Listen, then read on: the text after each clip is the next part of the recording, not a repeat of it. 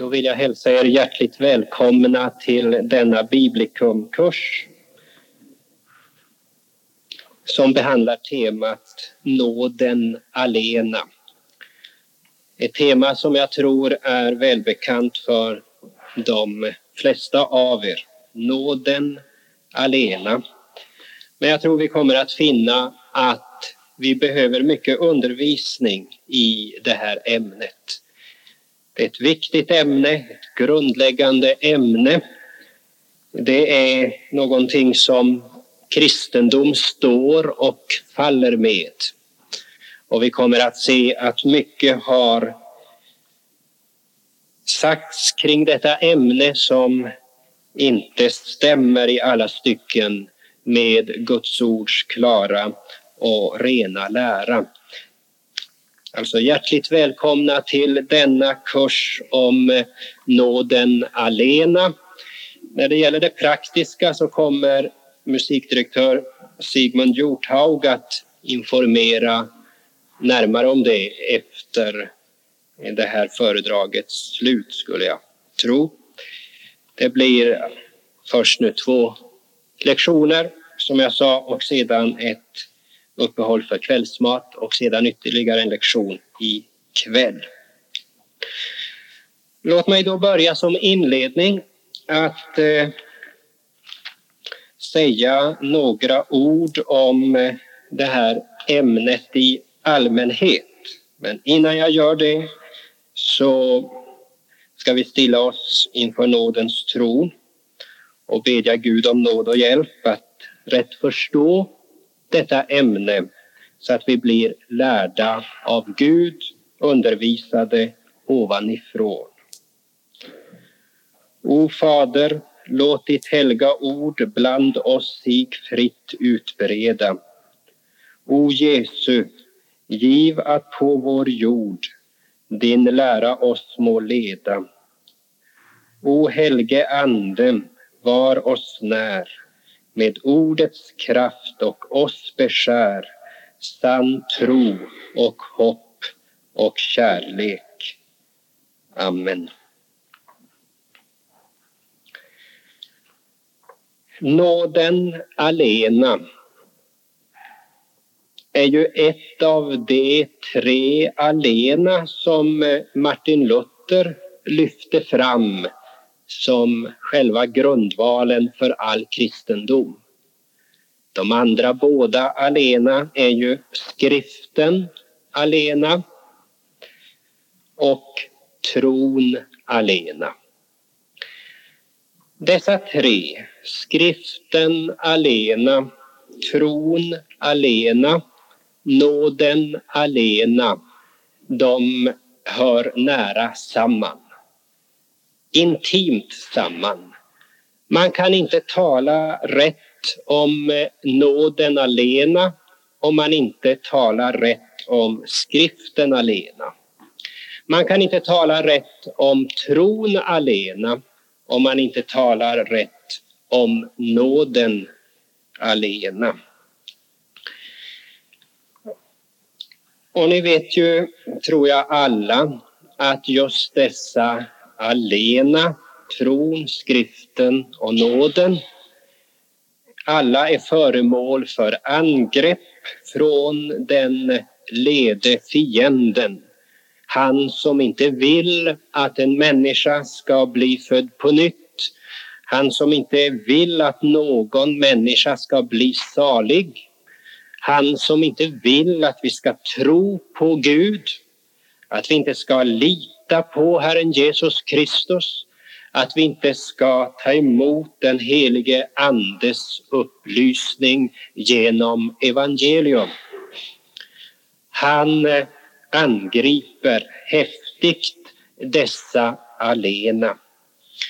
Och nu ska vi på denna kurs särskilt stanna för nåden alena och vi kommer att se att denna dyra lära om nåden alena ofta har förvanskats, ja närmast gått förlorad i vår mitt. Låt oss först stryka under att nåden alena avser alla Guds välsignelser. Nåden alena innefattar hela kedjan av andliga gåvor till vår frälsning och eviga salighet. Det betyder alltså att nåden alena innefattar inte bara återlösningsverket. Detta att Gud av evighet har beslutat rädda människorna genom sin son. Lyfta förbannelsen ifrån människorna och istället ge dem av nåd sin egen rättfärdighet förvärvad och vunnen genom sin egen sons försoningsverk. De flesta är med på att det är naturligtvis av nåd alena. Det är naturligtvis av nåd alena att Gud beslutade sända sin son i världen. Och att Jesus stod på korset, det är av nåd alena. Att Jesus dog för våra synder, det är av nåd alena. Men Bibelns lära om nåden alena innefattar också hur vi kommer till tro. Att vi blir omvända, födda på nytt. Att vi vänder oss från synden och till Herren Jesus. Det är ett under som sker av nåd alena. Och vidare att vi blir bevarade i tron. Att vi inte blir bortryckta. Att vi blir beståndande under prövningar och kors och anfäktelse och nöd och slutligt saliga, det är av nåd alena. Alltså vår frälsning som alltså innefattar inte bara vad Gud har gjort för oss genom sin son utan också att vi födes på nytt och att vi blir bevarade och slutligen hemma i himmelen, evigt saliga. Allt sammans är av nåd alena. Och det ska vi under dessa dagar med kraft ta fram utifrån Guds ord. Men jag vill som en inledning och som en överblick över vad vi kommer att säga med en gång framhålla att många har glömt att omvändelsen är av nåd alena. Och att bevarandet i tron är av nåd alena. De går med på att återlösningen är av nåd alena. Men sedan när det gäller att komma till tro, bli född på nytt, då medverkar också vi lite grann. Visserligen är nåden det första som kommer, men sedan beror det ju på oss om vi tar emot om vi låter bli att göra motstånd, om vi vill det som Gud vill, om vi låter oss hjälpas eller dragas. Det är nåden plus, säger ni plus, nåden plus hur människan ställer sig som avgör. Och när det gäller bevarandet i tron så är det inte heller, menar många, nåden alena att man blir bevarad, utan det är nåden plus någonting i den naturliga människans förmåga. Vi ska strax se närmare på dessa ting. Och det som nu kommer att behandlas i denna kurs som innefattas i detta ämne, det blir då framför allt omvändelsen. Det blir eh, försoningen och rättfärdiggörelsen. Vi ska säga en del om utväljelsen. Säger ni utväljelsen? Säger ni utkårelsen? Det går också. Utkårelsen. Säger ni nådavalet? Det går också. Det måste vi eh, tala om. Och vi kommer ju i det sammanhanget in på vad menas med evangelium? Och vad menas med tron? Och vi kommer in på nådens medel, eller nådemedlen. Vad är nådemedlen? Hur verkar nådemedlen? Vi kommer in på dessa medel, ska säga lite, särskilt lite om dopet. Och vi kommer att tala lite grann om hur läran om nåden alena framställs i olika kyrkor. Vad lär man inom reformerta kyrkor? Vad lär man i den lutherska kyrkan? Vad lär man i den katolska kyrkan? Denna historiska genomgång som vi ska spränga in i den här kursen har till syfte att ge lite överblick, lite perspektiv på denna fråga. Vi kommer att se i vilken hög grad såväl den katolska läran om nåden som framförallt den reformerta kyrkans syn har trängt in i den lutherska kyrkan och trängt undan den bibliska läran. Vi kommer också lite grann in på väckelsen och pietismen och i det sammanhanget sådana saker som eh, kristen frihet. Hur är det med nåden alena och med den kristna friheten och med lagen? Vad är det vi får göra och inte får göra? Vad är det vi måste göra? Nåden i förhållande till mänskliga meningar och människostadgar ska vi också försöka komma in på. Vi ser att det blir en ganska stor sak och ändå har jag glömt en viktig sak och det är Israels frälsning. Också det hör med till detta ämne och den fråga det gäller är detta, har Israel efter köttet en annan väg till himmelen än nåden alena? Gäller nåden alena också för Israel efter köttet? Hur förhåller sig det sig med deras utväljelse eller utkårelse? Nu har jag inte kunnat beräkna hur lång tid det går åt att tala om allt det här och därför har ni denna gång inte fått ett schema som exakt talar om vad vi kommer att behandla klockan 18 eller klockan 20 eller klockan 10 eller klockan 11. Utan det blir det här jag nu har nämnt och det kommer att behandlas i stort sett i den ordning som jag har nämnt det. Nu ska vi börja med att tala om omvändelsen enligt skriften. Omvändelsen enligt skriften. Och då måste vi först ha klart för oss att människan behöver omvändas. Därför att alla människor är bortvända från Gud. Alla människor efter syndafallet är avlade i synd och födda i synd.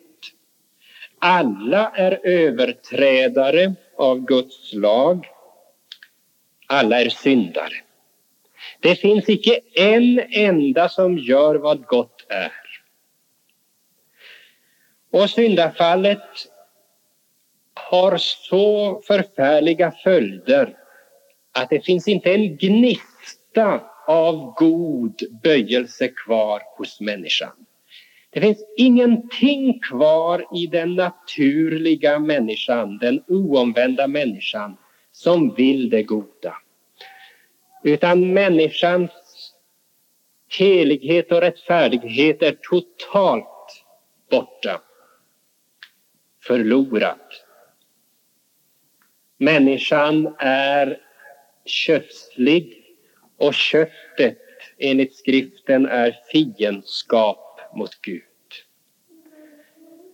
Människan är död, andligt död. Hon har inget andligt liv, inte ens en gnista av andligt liv.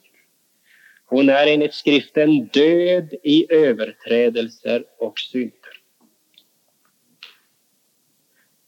Hon har alltså inte saligheten att vänta utan den eviga döden, ty syndens lön är döden, den eviga fördömelsen. Det har hon förtjänat genom sin synd, genom sina gärningar. Men nu har vår Herre Jesus Kristus återlöst alla människor från synden, köpt alla människor fria tillbaka från synden och djävulen. Som människornas ställföreträdare har han och deras vägnar burit deras synder, deras förbannelse och uppfyllt Guds lag i deras ställe. Genom sin ställföreträdande rättfärdighet har han utverkat syndernas förlåtelse, den rättfärdighet som gäller inför Gud, liv och salighet.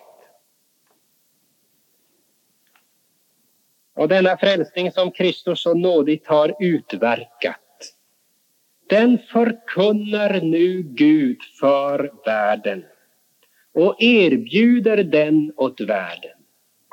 Han ger den åt världen genom nådens medel. Överräcker syndernas förlåtelse, frihet från lagens förbannelse, liv, salighet, överräcker det åt människorna som en fri gåva. En nådegåva. Gud har upprättat ibland oss, står det i skriften, försoningens ord.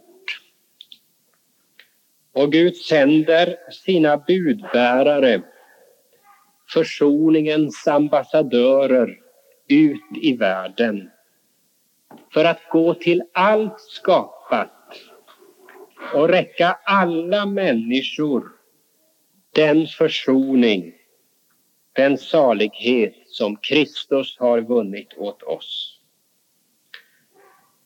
Och den som nu böjer sina öron och sitt hjärta till detta nådesord, till försoningens ord, till det glada budskapet om nåden i Kristus den som vänder sig bort från sina synder, de synder som bringar död och fördömelse över oss. Den som vänder sig istället till den försonade och nådigt kallande guden.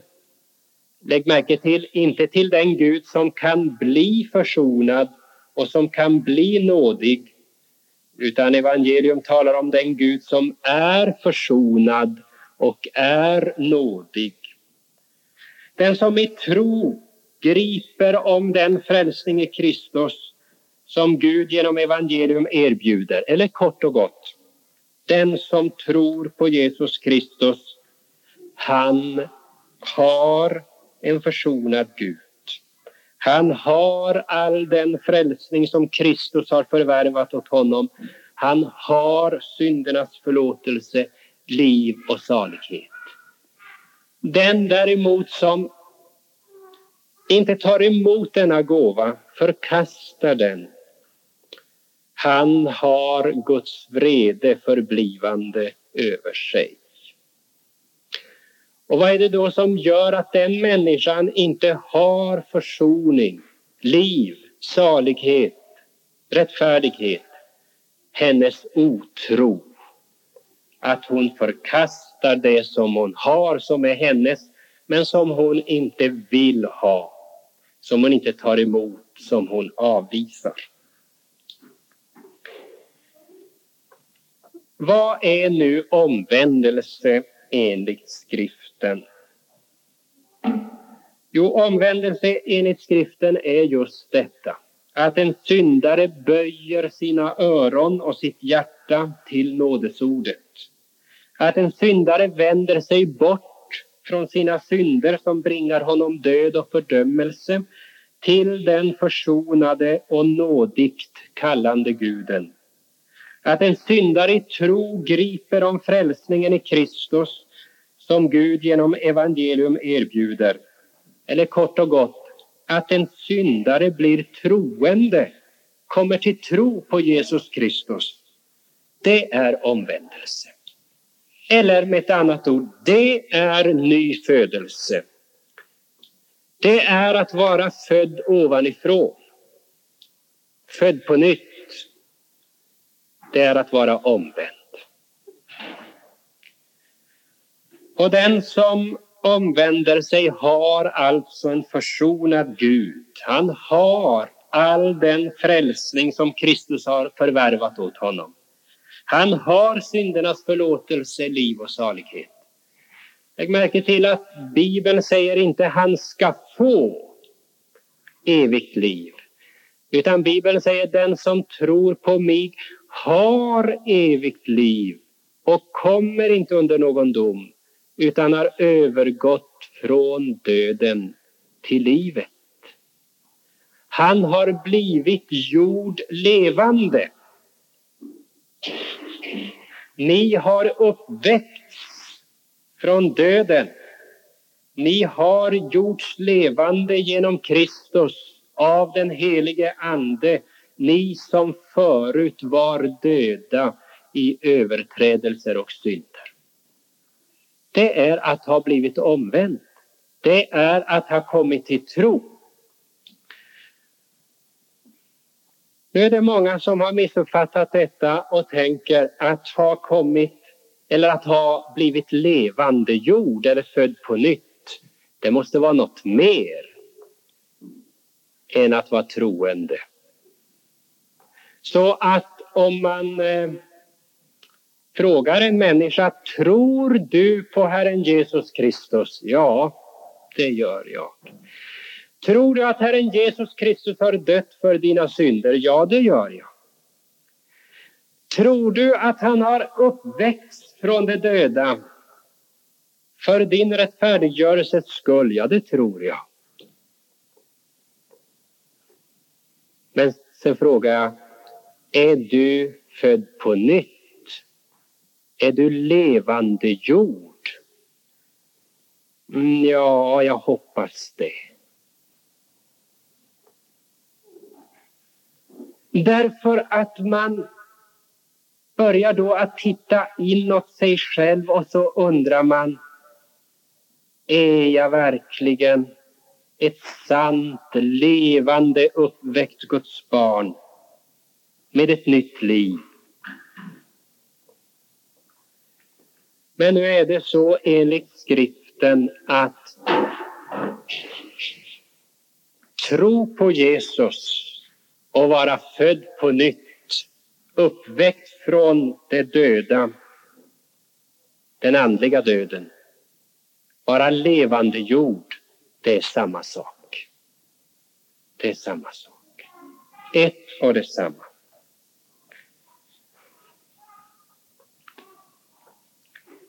Vi ska nu se hur skriften själv använder orden omvändelse och omvända sig. Vad som alltså menas med att omvända sig eller vända om.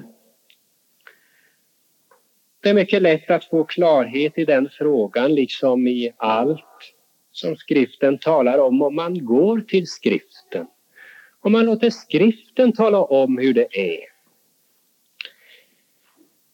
Vi ska först se på Nya testamentet. Ni vet att det ursprungligen är skrivet på grekiska och det är grekiska ord som har översatts med omvända sig. Det heter epistrefein. och det har egentligen en helt vanlig betydelse, nämligen vända om, vända tillbaka, Ungefär som om någon av er här vänder om, tar tåget igen hem till Oslo eller så. Det är vad epistreffen betyder, vända tillbaka. Jag vänder tillbaka, vänder om. Ett uttryck som alltså kan användas om vanliga ting, att man vänder tillbaka från någonting. Vänder om. Och så ska det också översättas i denna vanliga betydelse på en rad ställen i Nya testamentet. Vi hinner inte nu slå upp alla dessa ställen, men det är sådana ställen som det står att då vände han tillbaka. Eller det var någon som rörde i hans mantel, då vände han sig om.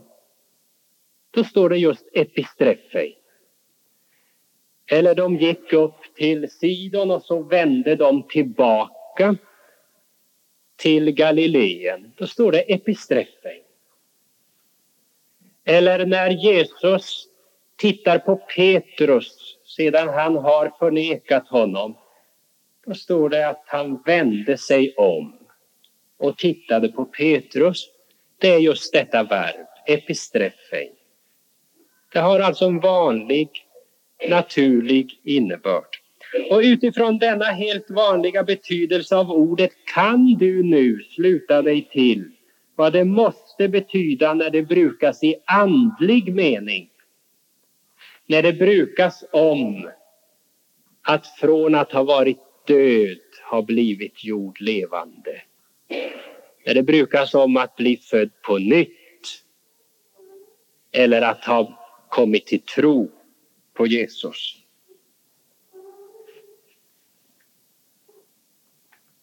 Om det egentligen betyder vända sig om, vända tillbaka, så kan ju omvända sig inte betyda något annat än att på ett andligt sätt vända sig om, vända tillbaka. Alltså vända sig från synd, död och fördömelse och vända sig till den genom Kristus försonade och nådigt kallande Guden för att få den frälsning som han så godhetsfullt överräcker åt mig gratis av nåd alena. Detta är ju ingenting annat än att en syndare kommer till tro på Jesus Kristus, blir en troende. Om vi ser på de ställen där Martin Luther i sin bibelöversättning översätter det grekiska ordet epistreffein med omvända sig. Alltså där det brukas i andlig mening så blir saken ännu klarare. Går vi först till Apostlagärningarna 26, verserna 18 till och med 20 så ser vi där att Herren Jesus sände Paulus till hedningarna för att predika evangelium för dem. Öppna deras ögon så att de omvänder sig från mörkret till ljuset och från Satans herravälde till Gud. Att de ska få förlåtelse för sina synder och det arv som tillhör dem vilka har blivit helgade genom tron på mig. Och därför förkunnade Paulus för hedningarna, liksom också för judarna, att de skulle göra sinnesändring. Jag vet inte vad det står i den norska bibeln. Står det göra bättring? Nej. Vad kan det stå där på, på det ställe vi i den svenska kyrkobibeln alltid har göra sinnes... Nej, vi har göra bättring. Gör bättring och tro evangelium. Vad står det då på norska? Gör bot. Omvänd er och tro evangelium. Står det så? Om ni tänker alla, Guds rike är nära. Gör bättring och tro evangelium. Vad säger ni på norska? Istället för gör bättring. Omvänd er och tro evangelium. Ja. Det verb som där står betyder egentligen ändra ert sinne. Gör sinnesändring. Jaha. Det vill säga att ha ett annat sinne när det gäller synden. Det vill säga istället för att älska den, fly den. Och ett annat sinne när det gäller Kristus och nåden. Ta emot den. Finn all din räddning där. Ändra ditt sinne när det, när det gäller synden och när det gäller frälsningen i Kristus. Därför att den oomvända människan har ju inte det sinnet att hon flyr synden och flyr till Kristus. Detta att ändra ditt sinne, att göra sinnesändring, det innebär alltså att vända sig från synden och till Jesus. Bättringen, som man säger på svenska, den är alltså, det innefattar alltså tron på Herren Jesus.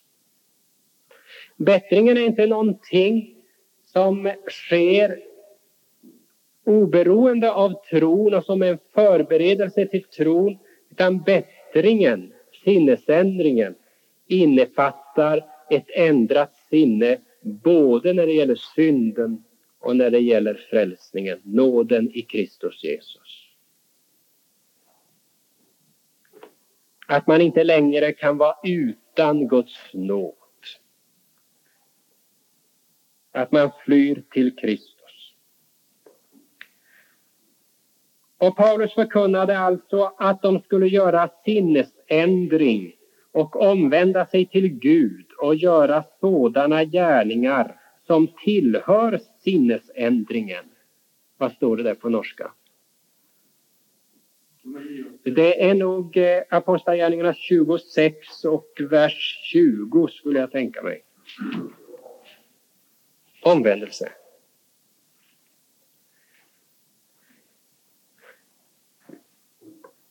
Det är naturligtvis helt synonymt med omvändelse men Bibeln använder två uttryck. Dels epistrefein som betyder just vända sig om, vända om, vända tillbaka. Och dels metanoein som betyder göra sinnesändring. Det blir lite förvirrande om översättningen tar, använder omvända sig på metanoein. Vad ska den då ta till epistrefein? Då blir det omvänd er och omvänd er. Texterna säger just ofta Metanoeite. det vill säga gör sinnesändring. Och sen kommer det då om epistrefein, vänd om. Men det är visserligen samma sak, två ord för samma sak. Som Bibeln så ofta gör för att hamra in i våra träskallar vad det är frågan om. Säger samma sak med två eller flera ord så ingen ska gå och säga att man kan inte riktigt veta vad Gud menar i sitt ord. Det kan tolkas en si och en så. Man kan inte riktigt veta vad Gud menar. Guds ord är klart och rent. Och för att vi ska veta vad Gud menar så säger Gud, den helige Ande, i sitt ord samma sak, ofta två, ja till och med tre gånger ibland i samma mening. Och då står det ofta och mellan de olika leden. Och det är ett så kallat förklarande och som på svenska har innebörden det vill säga eller närmare bestämt eller med andra ord. Kanske säger något liknande på norska. Gör sinnesändring med andra ord, vänd om eller gör sinnesändring. Det vill säga vänd tillbaka, vänd om. Men det står alltså och. Eller när det står i den svenska kyrkobibeln gör bättring. Det är alltså det ord som är översatt, som egentligen betyder gör sinnesändring. Gör bättring och tro evangelium. Så betyder det alltså gör bättring, det vill säga tro evangelium. Nu kanske ni börjar att undra, Eh, är det inte många som, i varje fall om de har en svensk bibel, har lagt in någonting annat i detta gör bättring? Det är en rad saker man ska göra på väg emot tron, men innan man har blivit omvänd. Men som en förutsättning för att man ska kunna bli omvänd. Jag vet inte om det finns i Norge, men det är en lära som är mycket vanlig i Sverige. Gör bättring och tro evangelium har alltså blivit du ska göra det och du ska göra det och du ska göra det och det blir som trappsteg fram emot den nya födelsen. Och man kan då i katekeser fråga när man är på ett trappsteg.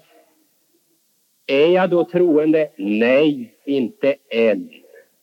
Har då den nya födelsen inträtt? Nej, inte än. Först måste du få en lust till Guds ord. En oerhörd iver efter Guds nåd. Jaha, är jag då omvänd? Är jag då född på nytt? Nej, inte ännu. Sen måste du kämpa emot tvivlen, inte bara så, utan också så. Är jag då omvänd? Nej, det hör till bättringens steg.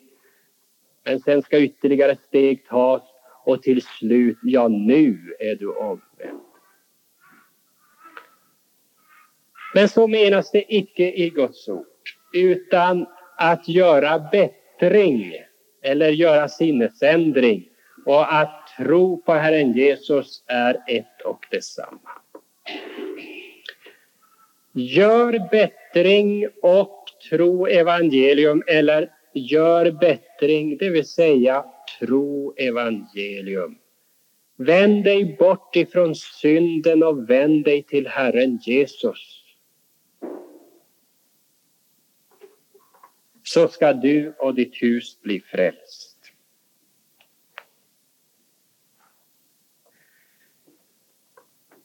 Och vad händer när Herren Jesus säger att hedningarna ska omvända sig så för att de ska få förlåtelse för sina synder och arvet, står det.